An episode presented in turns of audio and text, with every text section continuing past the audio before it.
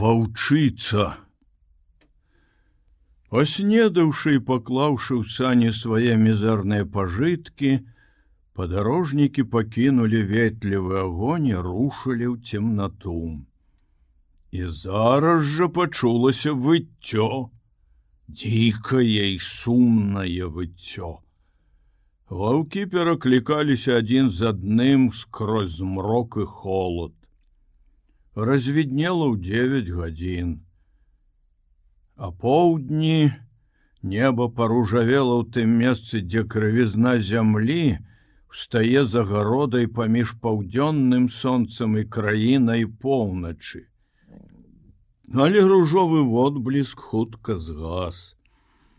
Шэрае дзённае святло, якое засталося пасля яго, прытрымалася да трох гадзін, потым і яно пагасла. І над бязлюднай застылай краінай опусцілася завеса арктычнай ночы. Як толькі надышла темнота выццё якое праследавала падарожнікаў і справа і злева і ззаду пачулася бліжэй Часамі яно чулася так блізка, што сабака пановаў страх і яны кідаліся, ахопленыя панікай. Пасля аднаго з такіх прыпадкаў панічнага страху, калі білы генры зноў упарадкавалі запрэшку, біл сказаў: « Хоць бы яны на якую, ну на якую-небудзь дзічыну напалі і пакінулі нас у спакой. Так гэта вельмі перашкаджае, згадзіўся Генры. І яны змоўклі да наступнай стаянкі. Янры нахіліўся над закіпаючым кацялком з бобам, падкладаючы туды колаты лёд. І тут яго ўвагу раптам прыцягнулі да сябе гук удару, выгук білай прарэзлівы віск сабак. Ён выпрастаўся і паспеў толькі разгледзець няясныя абрысы звера, які прымчаўся па снезе і знік у цемры. Потым Генры заўважыў біла, які стаяў не то з урачыстым, не то з прыгнечаным выглядам сярод сабак з палкай в адной руцэ і з хвастом вяленага лася у другой. Ха! Палову ўсё ж сцягнуў сказаў ён. Зато я ўсыпаў яму як належыць. Чуў як заскавытаў? А хто гэта быў? Не разабраў. Могу толькі сказаць что ногі пашча і скура ў яго ёсць як ва ўсякага сабакі. Ручны воўк ці што? Воўк ці не воўк толькі напэўна здорово ручны калі з'яўляецца проста да кармлення і хапае рыбу. Гэтай ноччу пасля вячэры, калі яны сядзелі на доўгай скрыні курачы люльку, кола вогняных вачэй звузілася яшчэ больш. Хоць бы яны статак ласёў дзе-небудзь узагналі, ну пакінулі б нас у спакоі, сказаў Білл. Генры прамармытаў штосьці не зусім ветлівае, і хвілін 15 яны сядзелі моўчкі. Генры, утаропіўшы вочы на агонь, біл на кола вогненных вачэй, якія свяціліся ў цемнаце зусім блізка ад агню. Добра было б зараз падкаціць да Макгэры зноў пачаў біл. Дык кінь ты сваё добра было, пакінь каркаць. Пякотка ў цябе вось ты скуголіш, выпі соды адразу палягчэе, і мне з табой весялей будзе. Раніцай Генру разбудзіла страшэнная лаянка. Ён падняўся на локці, убачыў біла, які стаяў сярод сабак каля запаленага кастра. Ён шалёна махаў рукамі са скажоным ад лютай злосці тварам. Хело! крыкнуў Генры, што здарылася? фрох уцёк быць не можа кажу табе уцёк Янра выскачыў з-пад коўдры кінуўся да сабак уважліва пералічыўшы іх Ён далучыў свой голас да праклёнаў, якія яго таварыш пасылаў у адрас всемагутнай паўночнай пустыні, якая адабрала ў іх яшчэ аднаго сабаку. Самы дужы сабака ва ўсёй запрэшцы.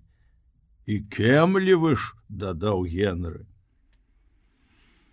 Такой была другая эпітафія, за гэтыя два дні. Снеданне прайшло невесела. Чацвёрку сабак, якая засталася запраглі ў сані, Дзень гэты прайшоў таксама, як і шмат іншых папярэдніх дзён.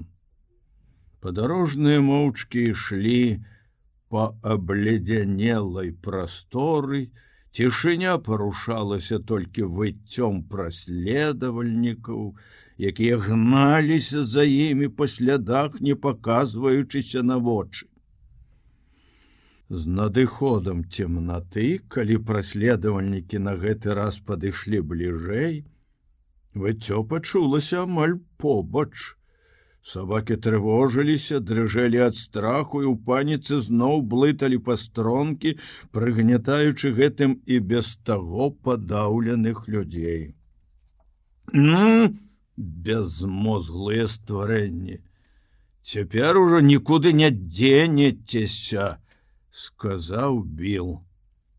Генры кінуў гатаваць і падышоў паглядзець. Яго таварыш не толькі прывязаў сабак, але прымацаваў іх па індзейскаму спосабу да палак. На шыю кожнаму сабаку ён надзеў скураную петлю да петлі, каб сабака не мог дастаць яе зубамі, шчыльна да шыі прывязаў тоўстую палку ў 4-5 футаў даўжынёй. Другі канец быў прымацаваны скураным рэменем да загнанага ў зямлю кала.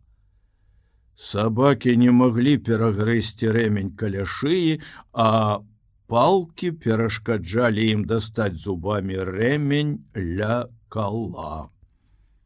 Генра ухвальна кіўнуў галавой. Аднавухага, толькі такім чынам і можна стрымаць, сказаў ён. Ён як ножом скуру зубамі рэжа і амаль з такой жа быстрынёй. А так да раніцы все цэлыя будуць. Ну яшчэ б сказаў біл, калі хоць адзін прападзе, я заўтра ад кавы адмоўлюся. А яны ж ведаюць, што ў нас няма чым, ну чым іх пастрашыць, заўважыў Генры, кладучыся спаць і паказваючы на мегатлівае, кола якое ачапіла сталянку. Ух пальнуть быў іх разок другі, хутка пашану да нас адчулі. З кожнай ноччу ўсё бліжэй і бліжэй падбіраюцца.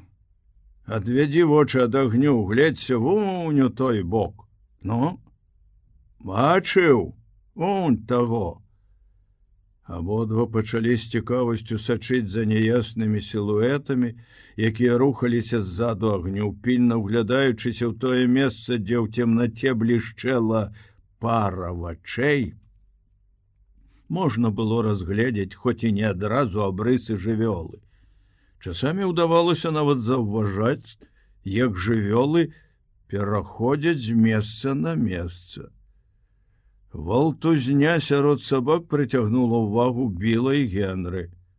Нецярпліва скавычачы, аднавухі торваўся з прывязі ў цемнату, то адступаў назад з азвярэннем грызучы палку. Глядзі, біл!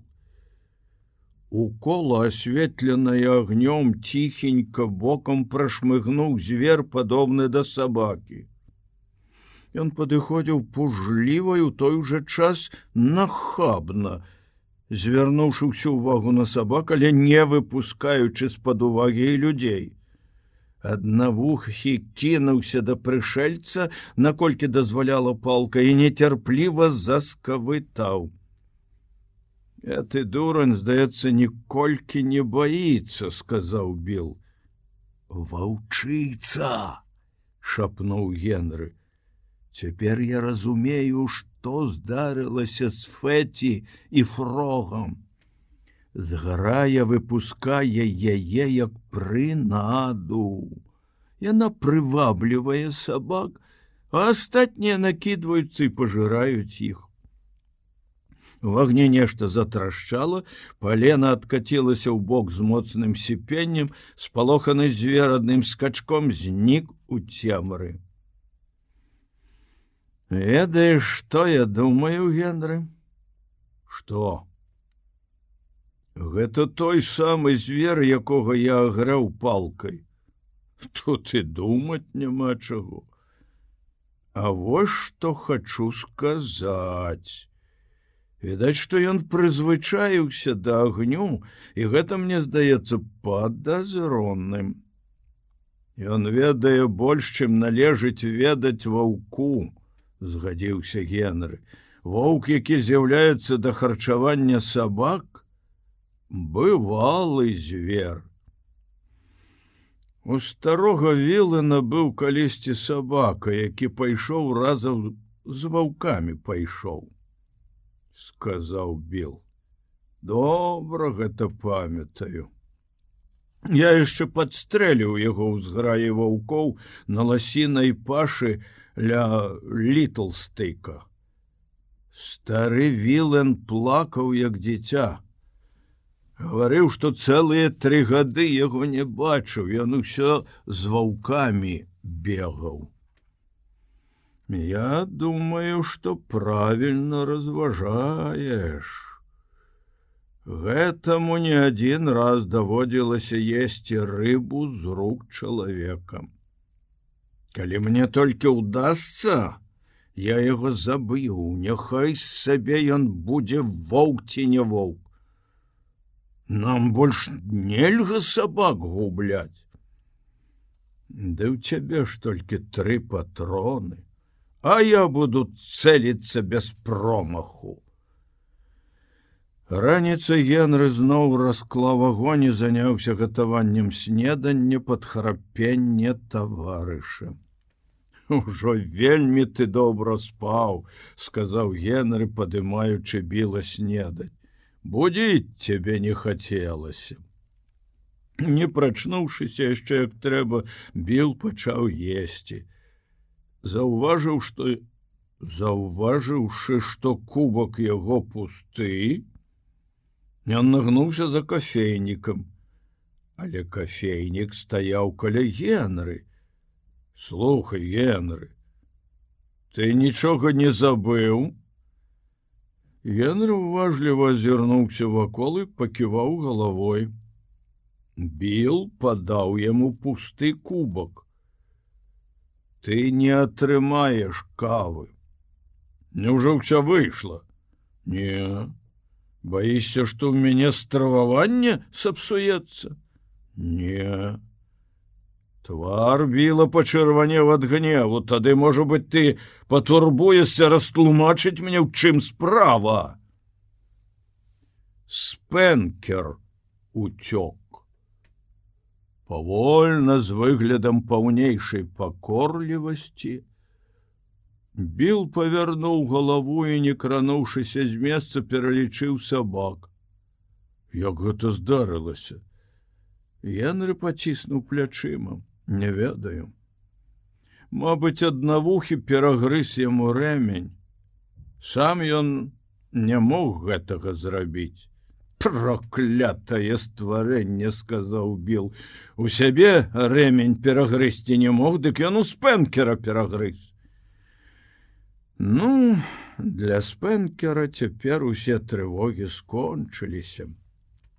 Ён зараз, напэўна, ужо перастрававаўся і імчыцца ў кішках двадцаці ваўкоў. такую эпітафію прачытаў генры гэтаму сабаку выпікав біл але біл паківаў галавой ну выпі біл адсунуў свой кубок Няхай я буду пракляты, калі вып'ю. Сказаў, што не буду, калі сабака прападзе, значыць, не буду. Вельмі добрая кава. Але біл паставіў на сваім і паснедаў у сухамятку, запраўляючы яду нечленападзельнымі праклёнамі па адрасу аднавухага, які выкінуў ім такую брыдкую штуку. Сёння ноччу я прывяжу іх усіх па аднаму, сказаў біл, калі яны рушылі ў дарогу.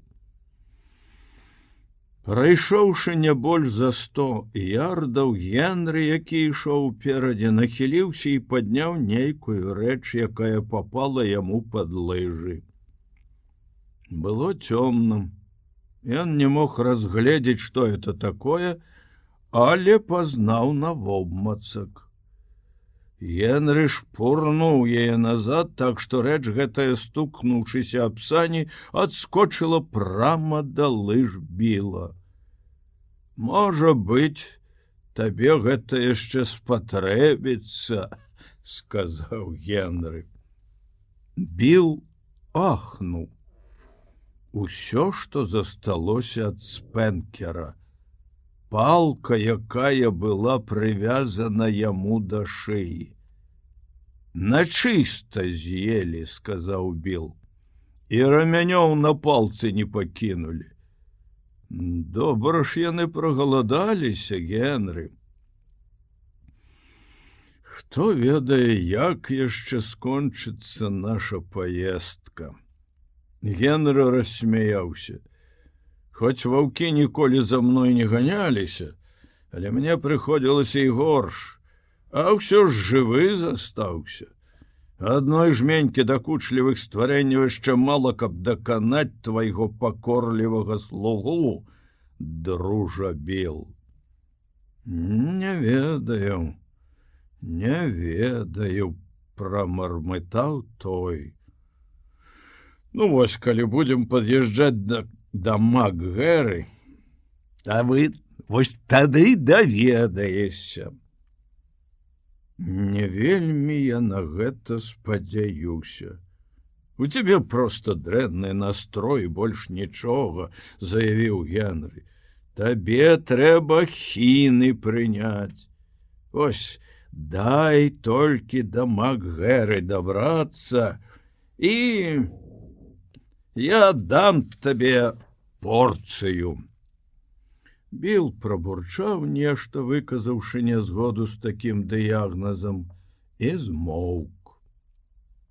Дзень прайшоў, як і ўсе папярэднія, рассвітала ў 9 гадзін у 12 гарызон на поўдні паружавеў ад нябачнага ў гэтую пару года сонца і настаў пахмурны дзень які праз тры гадзіны павінна была паглынуць ноч якраз у той момант калі сонца зрабіла слабую спробу выглянуць з-за гарызонта Біл дастаў саней стрэльбу і сказаў: « Ты не спыняйся, Генры, я пойду глянуць, што там робіцца.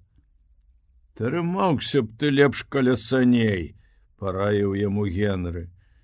У цябе ж усяго тры патроны, хто яго ведае, што можа здарыцца. Ну, хто цяпер каркае? Генры змаўчаў і пайшоў далей адзін увесь час трывожна азіраючыся пустынную імглу якой знік біл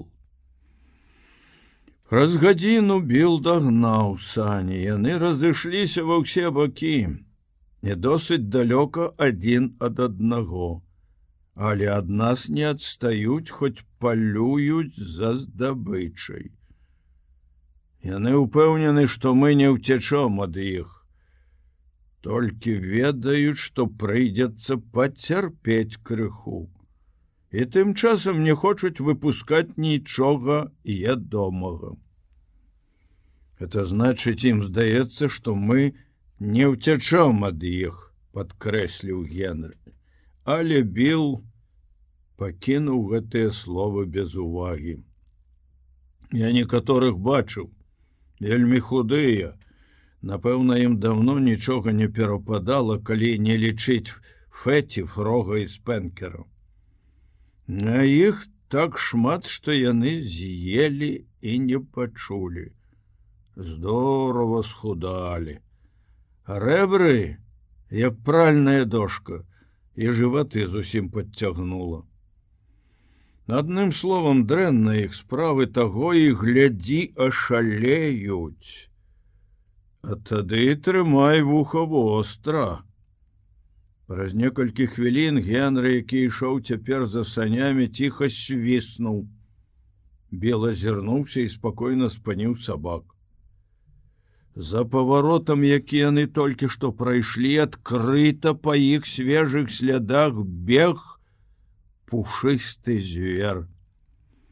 Прынюхваючыся да слядоў, ён бег лёгкай плаўнай рысцой, калі людзі спыніліся, спыніўся і ён, выцягнуўшы да іх морду і ўцягваючы ўздрыгваўшымі ноздрамі пах людзей, які далятаў да яго.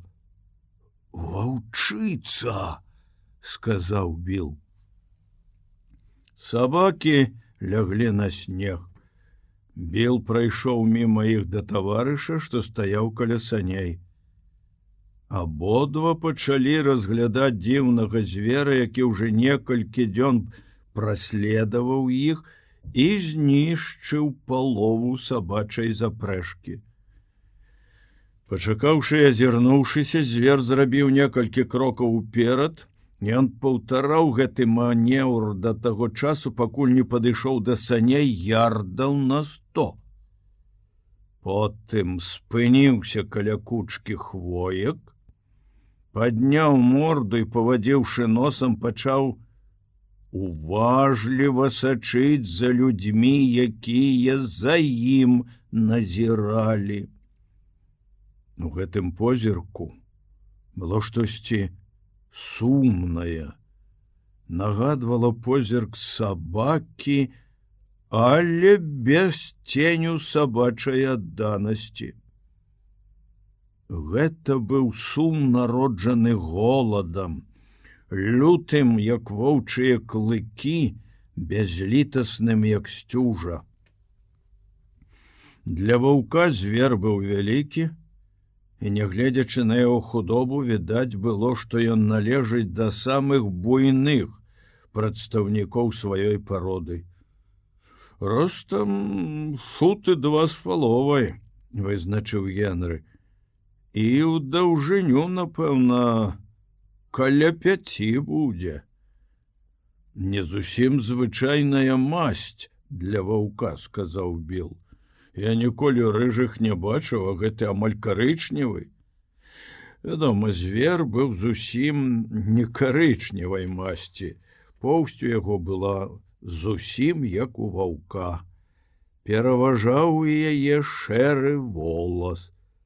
Але лёгкае чырванаватае адценне, якое то знікала, то з'яўлялася зноў, стварала падманлівае ўражанне поўз здавалася то шэрай, то раптам пералівалася рыжаватай фарбай, якая цяжка падыходзіла пад звычайнае значэнне гэтага колеру. Самы сапраўдны эскімоскі сабака сказаў біл. Таго і глядзі хвастом завіляе. Эй ты, эскімос, паклікаў ён, падыдзі сюды, як там тебе называюць. Ды ён они не боится усміхнуўся генры его товарыш голосна крыкнуў і пагрозіў зверу кулаком. Аднак той не выказаў ніякага страху.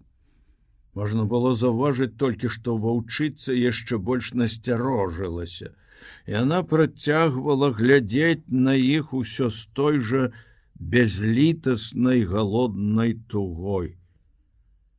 Перад ёй было мяса, а ваўчыца галадала.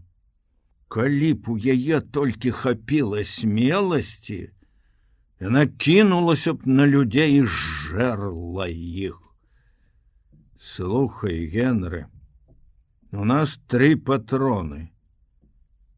Але ж яе можна на павал забіць. Тут не прамахнешся. Трох сабак, як і не было. Трэба ж пакласці канец гэтаму. Што ты на гэта скажаш? Генрык кіўнуў у знак згоды. Білнік прыкметна выцягнуў стрэльбу з саней, падняў быў яе, але так і не данёс да пляча. Якраз у гэты момант ваўчыца скокнула са сцежкі ў бок і схавалася сярод хвоек. Яны паглядзелі адзін на аднаго. Генры многозначна засвістаў. Ну як жа я не здагадаўся.